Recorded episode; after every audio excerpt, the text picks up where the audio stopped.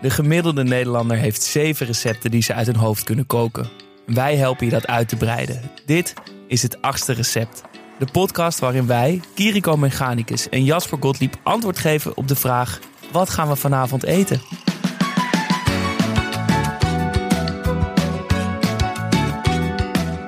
Ik ben Kiriko. Ik ben culinair historicus, schrijver en doe al mijn hele leven lang onderzoek naar waarom we eten wat we eten.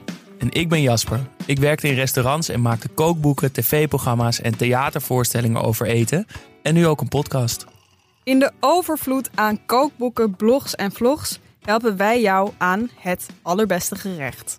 We kiezen om en om een recept uit dat we allebei maken en vertellen jou hoe we het hebben gekookt. Ieder recept heeft maximaal 8 ingrediënten en 8 stappen en kan je diezelfde avond nog op tafel zetten.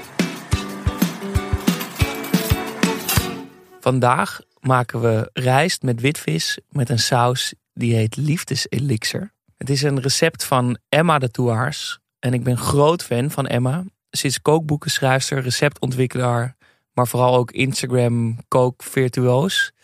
Um, en in haar recepten geeft ze een beetje een eigen draai aan vooral de Chinese keuken. En dat werkt eigenlijk verrassend goed, want met een paar kleine potjes en flesjes en zakjes uit een Aziatische supermarkt of toko, ja, zorgt ze ervoor dat je op een hele simpele manier heel veel smaak geeft. Uh, dit is een wat persoonlijker recept van haar. En uh, wat mij betreft laat dit recept vooral de kracht zien van een goede saus. Dus door een klein beetje extra aandacht aan een saus te geven, hoef je eigenlijk aan de rest van de ingrediënten van het gerecht nou, niet zoveel te doen. Wat zijn de stappen om dit recept te maken? Eerst de rijst opzetten, dan kan die lekker koken terwijl je bezig gaat met de saus. Daarvoor pluk je de blaadjes van munt en hak je die samen met koriander fijn. Uh, je hakt wat pinda's grof en je verwarmt een paar eetlepels olie in een pannetje die je over een bakje met chilivlokken giet zodat dat gaat bruisen. Daar doe je de munt, koriander en de pinda's bij en je brengt het heel op smaak met sojasaus en zout. Vervolgens bak je de vis. Dat doe je door in een anti-aanbakpan met een klein beetje olie de vis aan twee kanten in 2 à 3 minuten per kant goudbruin te bakken. Die serveer je op de rijst en daar gaat het uh, liefdeselixer overheen. Ik heb er zelf trouwens als aanvulling nog een beetje gestoomde uh, paksoi bijgemaakt. Lekker. Ik uh, ga er zo op in hoe ik deze ja. versie vegetarisch heb gemaakt. Maar eerst even, heb je een chille week gehad? Nou, chill is misschien niet het, uh, niet het goede woord. Nee? Ik had een geweldige week. Een uh, chaotische, heftige, hectische week. Maar vooral ook een hele leuke week. Want, nou, zoals ik vorige week ook vertelde. Ik, ben, ik heb me een kroeg overgenomen in Amsterdam. Uh, een van de oudste kroegen van de stad. Dus het is gewoon een bruine, oude, oud café. Um, en we zijn dit weekend open gegaan en we hebben een feest gegeven. Daarvoor waren natuurlijk nog een heleboel last minute uh, dingen nodig. Dus het was hectisch, chaotisch, een heleboel heen en weer gerend. En tot op het laatste moment uh, een hoop geïmproviseerd nog. Maar het feest zelf was een, als zeg ik het zelf, een groot succes. Gefeliciteerd, jongen. Dankjewel, dankjewel. Zit je nu op week uh, vijf van uh, nog steeds elke dag pizza's eten? Of, uh... Nou, er is nog weinig gezond voor mezelf rustig koken aan toegekomen. Ja, dat zal nu dan wel komen, toch? Dat gaat Na nu hopelijk. opening. Is er gewoon een rooster en dan sta ik zelf ook op het rooster en weet ik dus iets beter waar ik aan toe ben. Is er ook iets te eten in de kroeg? Dat is wel het idee. Het moet niet een plek worden waar je heen gaat om echt te gaan eten, maar en we hebben het nu ook nog niet, maar we zijn er wel mee bezig om dat te gaan doen. Maar we moeten het in het begin onszelf gewoon heel makkelijk maken nog. En wat voor soort dingetjes zit je aan te denken dan? Nou, we gaan al s ochtends open, dus dan sowieso broodjes en uh, snacks. Maar heel simpele witte bolletjes en pistoletjes. Oh, lekker. Um, en uh, ja, gewoon de, de classics voor in de kroeg. En ik dacht aan s'avonds misschien vegetarische lasagne. Wauw. voor te bereiden. Uh, vindt iedereen volgens mij wel lekker. Ja. En kan je op de avond zelf makkelijk in de oven schuiven. En heb je er niet te veel werk aan. Terwijl er allemaal mensen aan je bar uh, om bier zitten te vragen. Wow, goed idee. Ik zou dat wel, is het voor nu. uh, Maar dat is nog even onder voorbehoud. Ja, ja, ja. Maar ja. Dat, dat er, ik wil er wel alles aan doen om dat uh, voor elkaar te krijgen. Nou, dat recept wil ik wel hoor. Kunnen we nog in de podcast misschien een keertje... Een eigen recept. Ja. Uh, en jij? Had jij wel een rustige kookweek? Ja, ik had een best. eh, ik ga weer even kijken. Je pakt steeds in paniek je agenda erbij. Ja, maar ik heb echt een geheugen van een vis. Ik heb echt een geheugen van tenminste. Ik eet heel vaak. Ik weet nog wat ik gisteren heb gegeten, maar daarvoor weet ik het echt heel vaak niet meer. Ik, ik ben daar ook niet goed in hoor. Nee, nou, toch? kijk maar eens eventjes in je agenda. Even kijken. Je hebt trouwens wel een hele keurig geordende agenda, moet ik zeggen. Ja, ik, zit een beetje, een beetje mijn zit een beetje eh, obsessie. Ik heb een. Ken je dit? Dit heet Nee. bullet journaling. Ik heb geen idee. Oké, nou ja, het is een heel systeem. Heel, heel veel YouTubers die doen dit en zo. maar het is eh, dat je je eigen agenda's maakt met inderdaad heel veel vakjes en to-do-lijstjes. En ja, het is, eh, me- het is mijn meest neurotische trekje, zou ik, zou ik het willen noemen. Eh, nee, ik heb eigenlijk denk ik niet zo heel veel bijzondere dingen gegeten. Behalve dan denk ik toch dit recept. Ik was echt zo erg onder de indruk van hoe lekker dit was. Ik denk dat we er Goed. gewoon eh, gelijk over moeten beginnen. Want het was echt.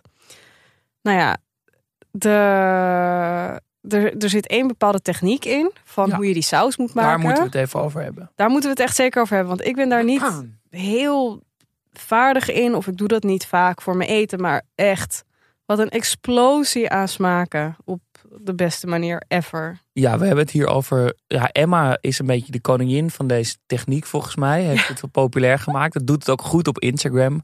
Zij noemt het zelf het sisselen. En het is een techniek die je veel in China ziet.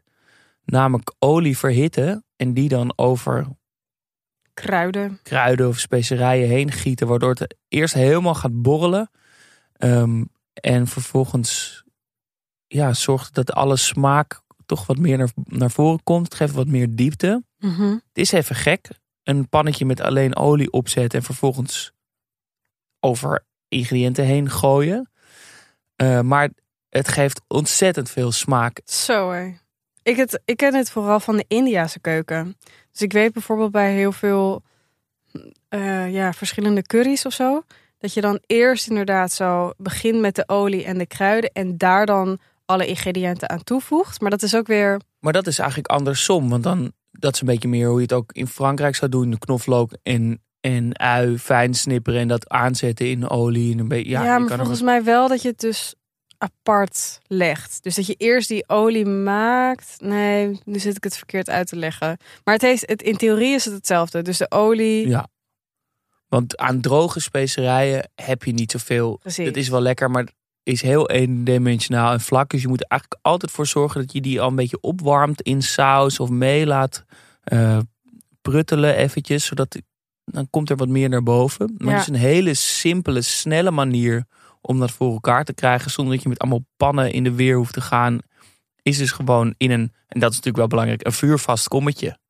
In dit geval chilivlokken te doen. En daar dan een paar eetlepels hele hete, neutrale olie overheen te kieperen. Ja. Het gaat helemaal borrelen en bruisen. Ja, het is echt eh, heel esthetisch om te bekijken ook. Het klinkt lekker. Het is echt ASMR in je eigen keuken. Ja, en ik. Emma schrijft daarbij van nou, dus je doet die, die hele hete olie over dat kommetje met chilivlokken. Ehm, dat gaat even bruisen, maar dat, het moet ook niet te lang bruisen, want dan eh, verbranden die vlokken. Dus je, je laat het even een paar seconden doorborrelen en dan doe je dus al die fijn gehakte groene kruiden erbij. En daardoor koelt die olie weer wat meer af. Ja. En, en de- ja, die, die kruiden krijgen dus ook een beetje warmte mee. Dus dat gaat ook, wordt wat meer geheel. Ja. Het krijgt, veel meer diepte, als dat logisch klinkt, in zo'n saus dan wanneer je gewoon wat olie en wat specerijen door elkaar doet. Ik heb een vraag voor jou. Ja. Ben jij zo'n chef die gewoon heel goed keurig netjes kan snijden? Zo, zeg maar van dat ASMR cooking waar je dan naar kunt kijken en dat je denkt, jeetje, wat een fijn Ik- gesnipperde knoflook. Ik hou er wel van om. eh, ik kan het wel waarderen als het goed gesneden is. ja, Mijn snijskills zijn redelijk goed. Eh, in een professionele keuken moet je toch vaak meteen, eh, weet ik veel, een paar kilo wortelen in, in kleine blokjes snijden. En dan wil je ze eigenlijk ook allemaal precies even groot en mooi vierkant. Sommige koks kunnen dat echt heel goed. En die is het allemaal uniform en gaat het razendsnel. Ik loop toch een beetje te steggelen. En ik heb wel wat afsnijdsels die ik stiekem een beetje wegschuif dan. Maar als ik voor mezelf thuis de tijd heb en ontspannen ben en denk, nou ik ga lekker koken.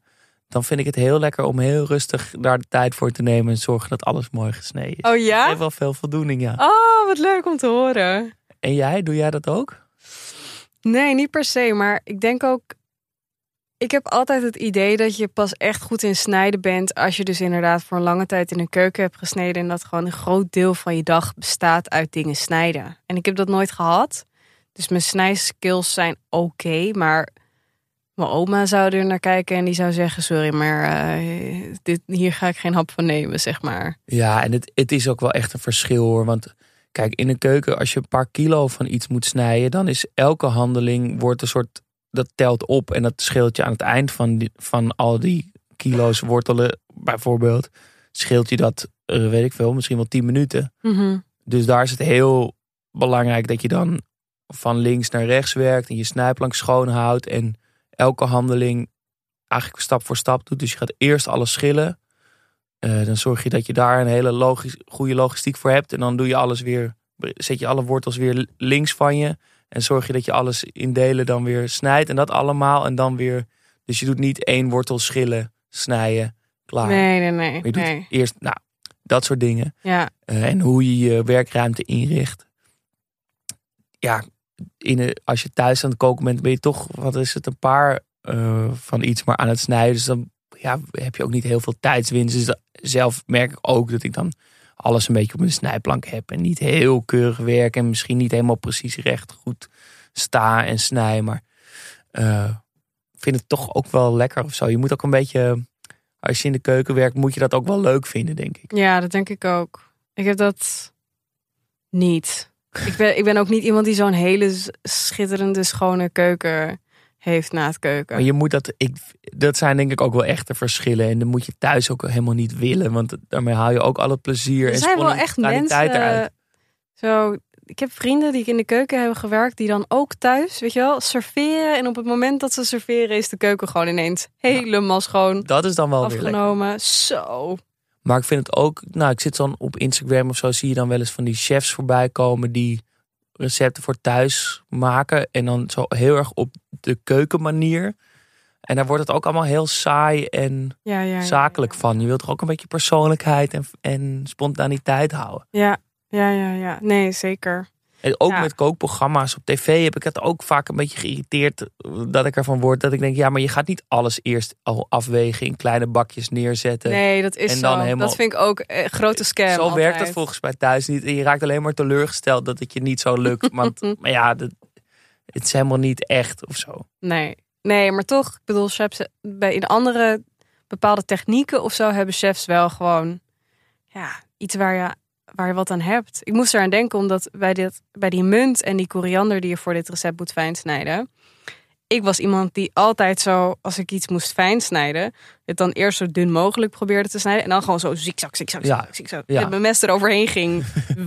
Hoe noem je dat? Wippen eigenlijk. En toen zag ik eh, van de week, geloof ik, een filmpje op Bon Appetit. Dat YouTube-kanaal met al die chefs.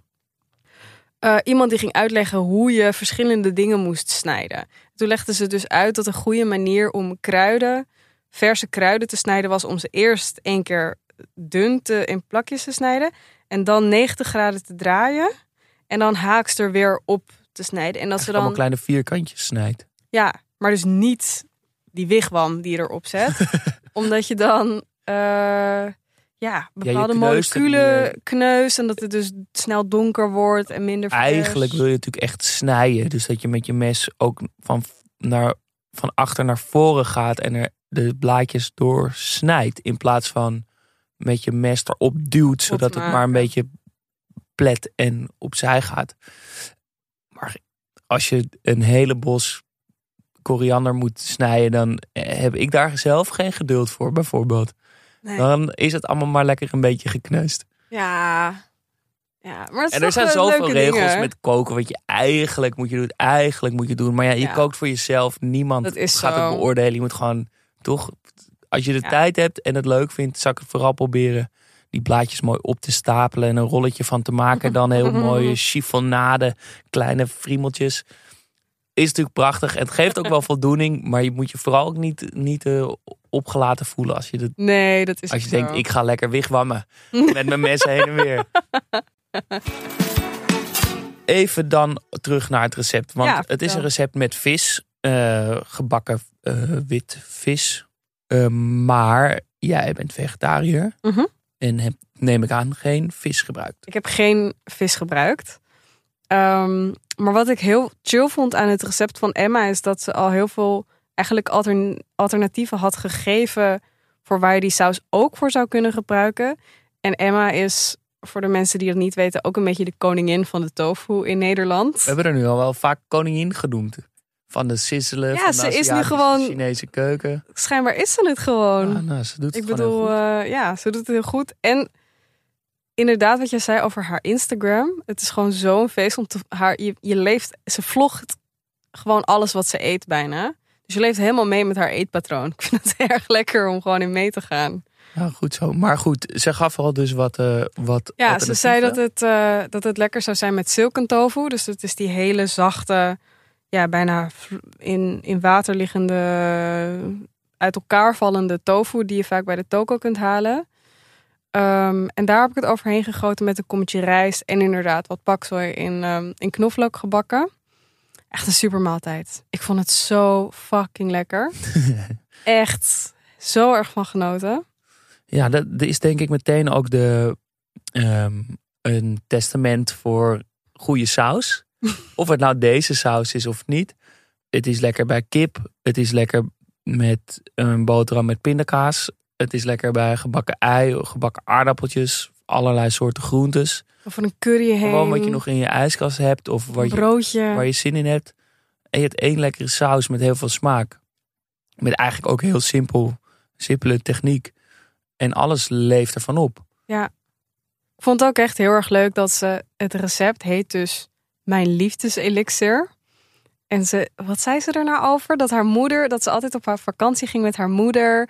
En dat haar moeder een Italiaanse liefdeselixer had gemaakt met basilicum. Dus een saus die ze overal overheen gooide. En dat die zo lekker was dat iedereen die hem at gelijk verliefd op haar werd. En dat, eh, dat Emma dan haar eigen variant erop had gemaakt. Ik dacht wel, ik moest heel erg nadenken over ehm, die hele lange traditie van verschillende producten en gerechten eigenlijk die mensen eten, omdat ze daar dan dus nou ja, opgewonden of verliefd op andere mensen van zouden worden. Ja, de aphrodisiacs. Precies. En ook, nou ja, ik weet niet of het is, weet je wel, oesters, chocolade, vijgen, wijn, al dat soort dingen. Wat volgens mij eigenlijk bijna altijd een beetje broodje aap is. Want niet. jij bent hier de voedselhistoricus. Ja, je kan wel zeggen, in chocola zit hutsen, flutsen, flutsen, fluts. En om die reden, weet ik veel, bepaalde dingen in je brein of zo. Maar ik vind het ook een beetje vergezocht. En het is zo dat het al duizenden jaren worden dit soort dingen gezegd in allerlei verschillende culturen over allerlei verschillende producten. Mensen hebben gewoon een reden nodig om een seksuele verlangen te onderbouwen. Maar jij wil eigenlijk zeggen van eigenlijk de beste aphrodisiac is dus iets wat je gewoon met liefde voor iemand maakt. Ja, dat sowieso. En ik denk ook, als je iets smaaksvols eet, dan krijg je smaak in andere dingen. Nou, en ik vond het ook goed aan deze saus dat het dat een, eh, een goede naam doet volgens mij ook al heel veel. Zeker. Eh, als dit gewoon groen prutje had geheten, wa- was het wel lekker geweest, maar waren wij er een stuk minder enthousiast over Zeker. geweest, denk ik. Ja, dat denk ik ook. Ik denk dat joppie saus ook een succes is, omdat het joppie saus heet. Ja, Dus ook mocht je nou zelf een sausje of een iets hebben waar je dat altijd even bij elkaar gooit en de mensen het wel lekker vinden, geef het gewoon een goede naam en het wordt een ding. En het Ja. werkt, want wij, het wordt ook lekkerder daarvan. ja, ja, ja. Maar dat is ook wat Emma zegt. Zo, iedereen heeft zijn eigen liefdeselixer. Dit is de mijne. Ehm, Want dit is misschien heb jij er ook weer één. veel mensen houden niet van koriander. Doe het dan inderdaad met basilicum. Ik denk dat het heel goed zou kunnen. Ja, peterselie. Ah, Ja, je kan het met van alles doen. Of misschien niet met pinda's, maar met eh, ge- eh, hazelnootjes. Of eh, ja. nou, kan natuurlijk ook je eigen draai geven. Maar dit is toch wel een uitstekende combinatie. absoluut. Ehm, Hoe is het dan eh, met jou met die vis gegaan? Ja, wel goed. Ik vond het. eh, ik had het eigenlijk zelf nooit zo een gebakken stuk vis met rijst. Dat had ik eigenlijk nooit zo met elkaar geassocieerd. Eh, maar het werkt eigenlijk heel goed. Want met die saus, die verbindt het ook een beetje. Het wordt er een geheel van. Ehm, ik had kabeljauwmoot gekocht. Ze schrijft in het recept zonder huid. Dat kan ook prima, maar ik had het op de huid, wel met huid en op de huid gebakken. En dan bak je het eerst heel lang op die huidkant, zodat die helemaal knapperig en bruin is, krokant. En dan is die vis al voor een groot deel gaar. En dan leg je hem nog eigenlijk nog maar een halve minuut op de andere kant. Oh ja. Dat vraagt, vraagt even geduld, want je instinct is om de hele tijd aan die vis te zitten en hem om te draaien. Maar je moet hem echt laten, laten, Wat is de reden dat je een vis niet mag omdraaien? Het mag wel. Nee, dan ben ik geen vrienden meer met je. ja, dat is, eh, eh, maar de reden is dat je die onderkant wil je helemaal knapperig, zo'n glaas, eh, hoe noem je, ja, plaatje wordt bijna, snap je? Zo'n, Ja, ja, ja. ehm, en daarvoor moet je het echt met rust laten. Moet je de tijd geven en niet te veel aan spelen en doen. Want dan laat het gewoon op één kant liggen. Totdat je denkt, nou nu is die kant echt niet meer. En je ziet dat de, Mhm. je kan bij witte vis altijd heel makkelijk zien hoe gaar die al is. Eh, want je ziet gewoon dat het- van boven is hij dan nog een beetje doorzichtig. Maar onderop zie je hem langzaam wit eh, worden. Mhm. Eh, en dan als die echt krokant bruin is aan de onderkant, dan geef je hem nog heel eventjes op die glazen, beetje, nee, op die transparante bovenkant. Is eigenlijk heel simpel. Ehm, en ik had, eh, Emma vraagt het recept voor gefrituurde pinda's. Dat was ik even vergeten. Dus ik heb die pinda's gehakt en toen ook in het kommetje gedaan met die chilivlokken en daar overheen Oh, gesisseld. grappig. Goeie. Eh, ik weet niet zo goed wat het precies het verschil is als je het wel eerst frituurt. Het zal wel iets krokanter worden. Ik Maar heb dit vond ik eh eigenlijk ook wel lekker. kacang pedis gemaakt. Ah, zelf gemaakt. Ja, ik had Dat dat nog nooit eerder gedaan. Maar ik dacht, heb ik ook nog nooit gedaan. Hoe, hoe maak je dat? je pelt eerst eh, je pinda's, dus ook het velletje eraf. En dan maak je een kruidenmix. En ik heb dat gedaan met suiker, zout, eh, knoflook, fijn geperst en paprika poeder en eh chilivlokken of zo. En dan had ik er wat sojamelk bij gedaan, gewoon echt een heel klein beetje. Dan bloem, zodat het soort van helemaal gekookt wordt. En dan frituren. En dan krijg je een soort hele grote klont. Eh, ik, dit, dit is sowieso niet de juiste manier om dit te doen, denk ik. Maar ik had een hele grote klont. eh, Dat is één grote ja, pindabal. en die heb ik toen zo weer kapot gemaakt. En dat, daar heb je dit sausje ook mee gemaakt. Die heb ik zo over dat sausje heen eh, gedaan. Heet je wat lekker zeg. Ja, was wel heel lekker. Ik was wel onder de indruk van hoe makkelijk dat dan eigenlijk was. Eh, maar dit is eigenlijk alles ook wat ik erbij heb. Mijn aanpassingen, variatie. Ja, ik heb er een beetje gestoomde pak sooi bij gedaan. Lekker. Eh, maar het kan, ja, ja, je kan het net als met veel recepten eindeloos mee variëren. Zowel met de saus, maar als die staat, als je daar re- jouw eigen recept voor hebt ontwikkeld, jouw liefdeselixer, dan kan je het op alles doen wat je hebt. Dus ik zou Ja. vooral ook een grote pot maken, in de Ja, ijskast zetten en Ja. op alles smeren. Geniaal. Ik ga dat zeker doen. Ik ben echt groot, groot fan. Voordat we afsluiten, een nieuwe rubriek merken we eigenlijk. Want we zijn nu vier afleveringen verder. Mhm. En Nee, Vijf. meer. vier, dit is inmiddels aflevering 6. Oh ja, dit is zes. Eh, Het, gaat, het vliegt voorbij. Eh, maar dat betekent dus dat er al een aantal online staan. En dat mensen dus ook echt de recepten hebben gemaakt. Ehm, en we kregen er een aantal vragen over. Dus het is misschien wel goed om dat in de uitzending ook te benoemen. Eh, de vragen die komen. We zijn natuurlijk nooit helemaal volledig. En soms geven we misschien wel foute informatie of onduidelijke dingen. Eh, dus alle aanvullingen, eh, alle vragen, of een aantal vragen zullen we dan ook in de aflevering benoemen. En we kregen er al eentje van. Eveline B. Eveline B. eh, die zei over eh, een gerecht van een paar afleveringen terug, namelijk de carbonara. Maakt het echt zoveel verschil om alleen de dooiers te gebruiken? Ik doe altijd de hele eieren en het smaakt op zich best lekker. Ook omdat ik anders weer met vijf eiwitten zou zitten, wat ik zonde vind. Wat is jouw eh, antwoord hierop? Nou, ik begrijp het helemaal, want, want ik ben ook tegen verspilling. Mhm. Dus ik zou, mijn eerste tip zou dan ook zijn eh, dat, om nog iets met die eidooiers te doen. Meringues te maken.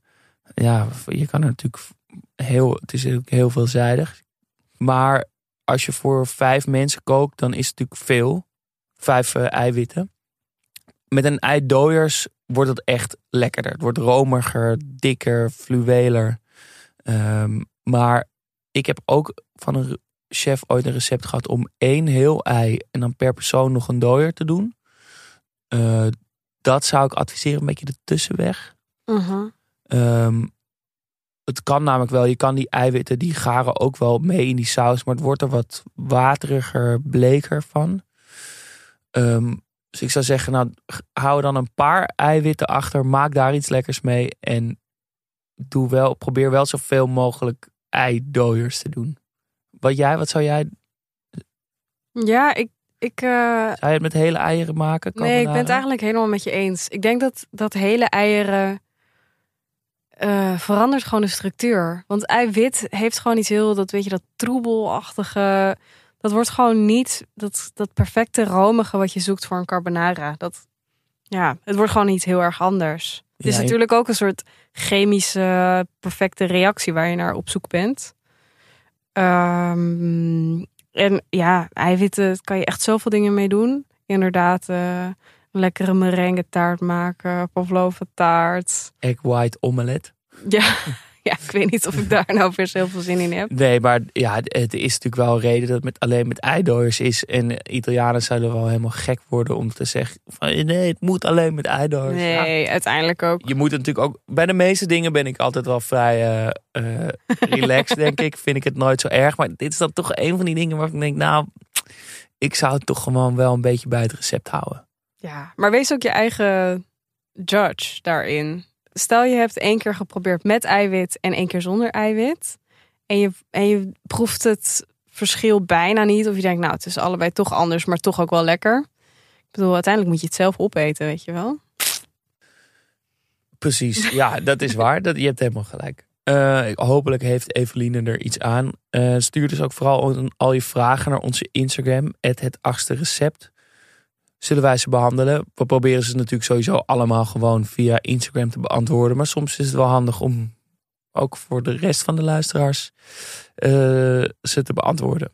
En eh, ja, blijf ook al jullie foto's van de gerechten sturen. Het is zo leuk om te zien eh, dat jullie alle gerechten thuis ook echt aan het opeten zijn. Het is eh, waanzinnig. Ja, het is zo abstract, want wij zitten hier tegenover elkaar in een, in een kille studio met de microfoons.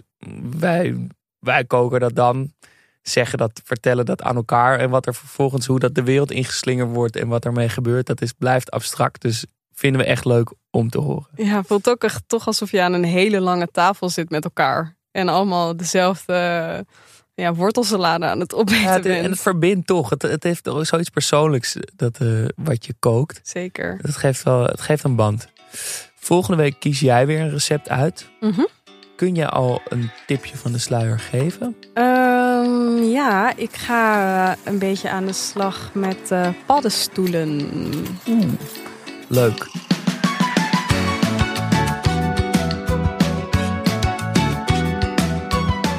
Dit was Het Achtste Recept, een podcast van Dag en Nacht Media. Ga je dit recept vanavond maken? Stuur dan een foto van het gerecht naar onze Instagram. Het achtste recept. Vinden we leuk om te zien. Daar kan je ook het hele recept vinden en worden alle stappen uitgelegd.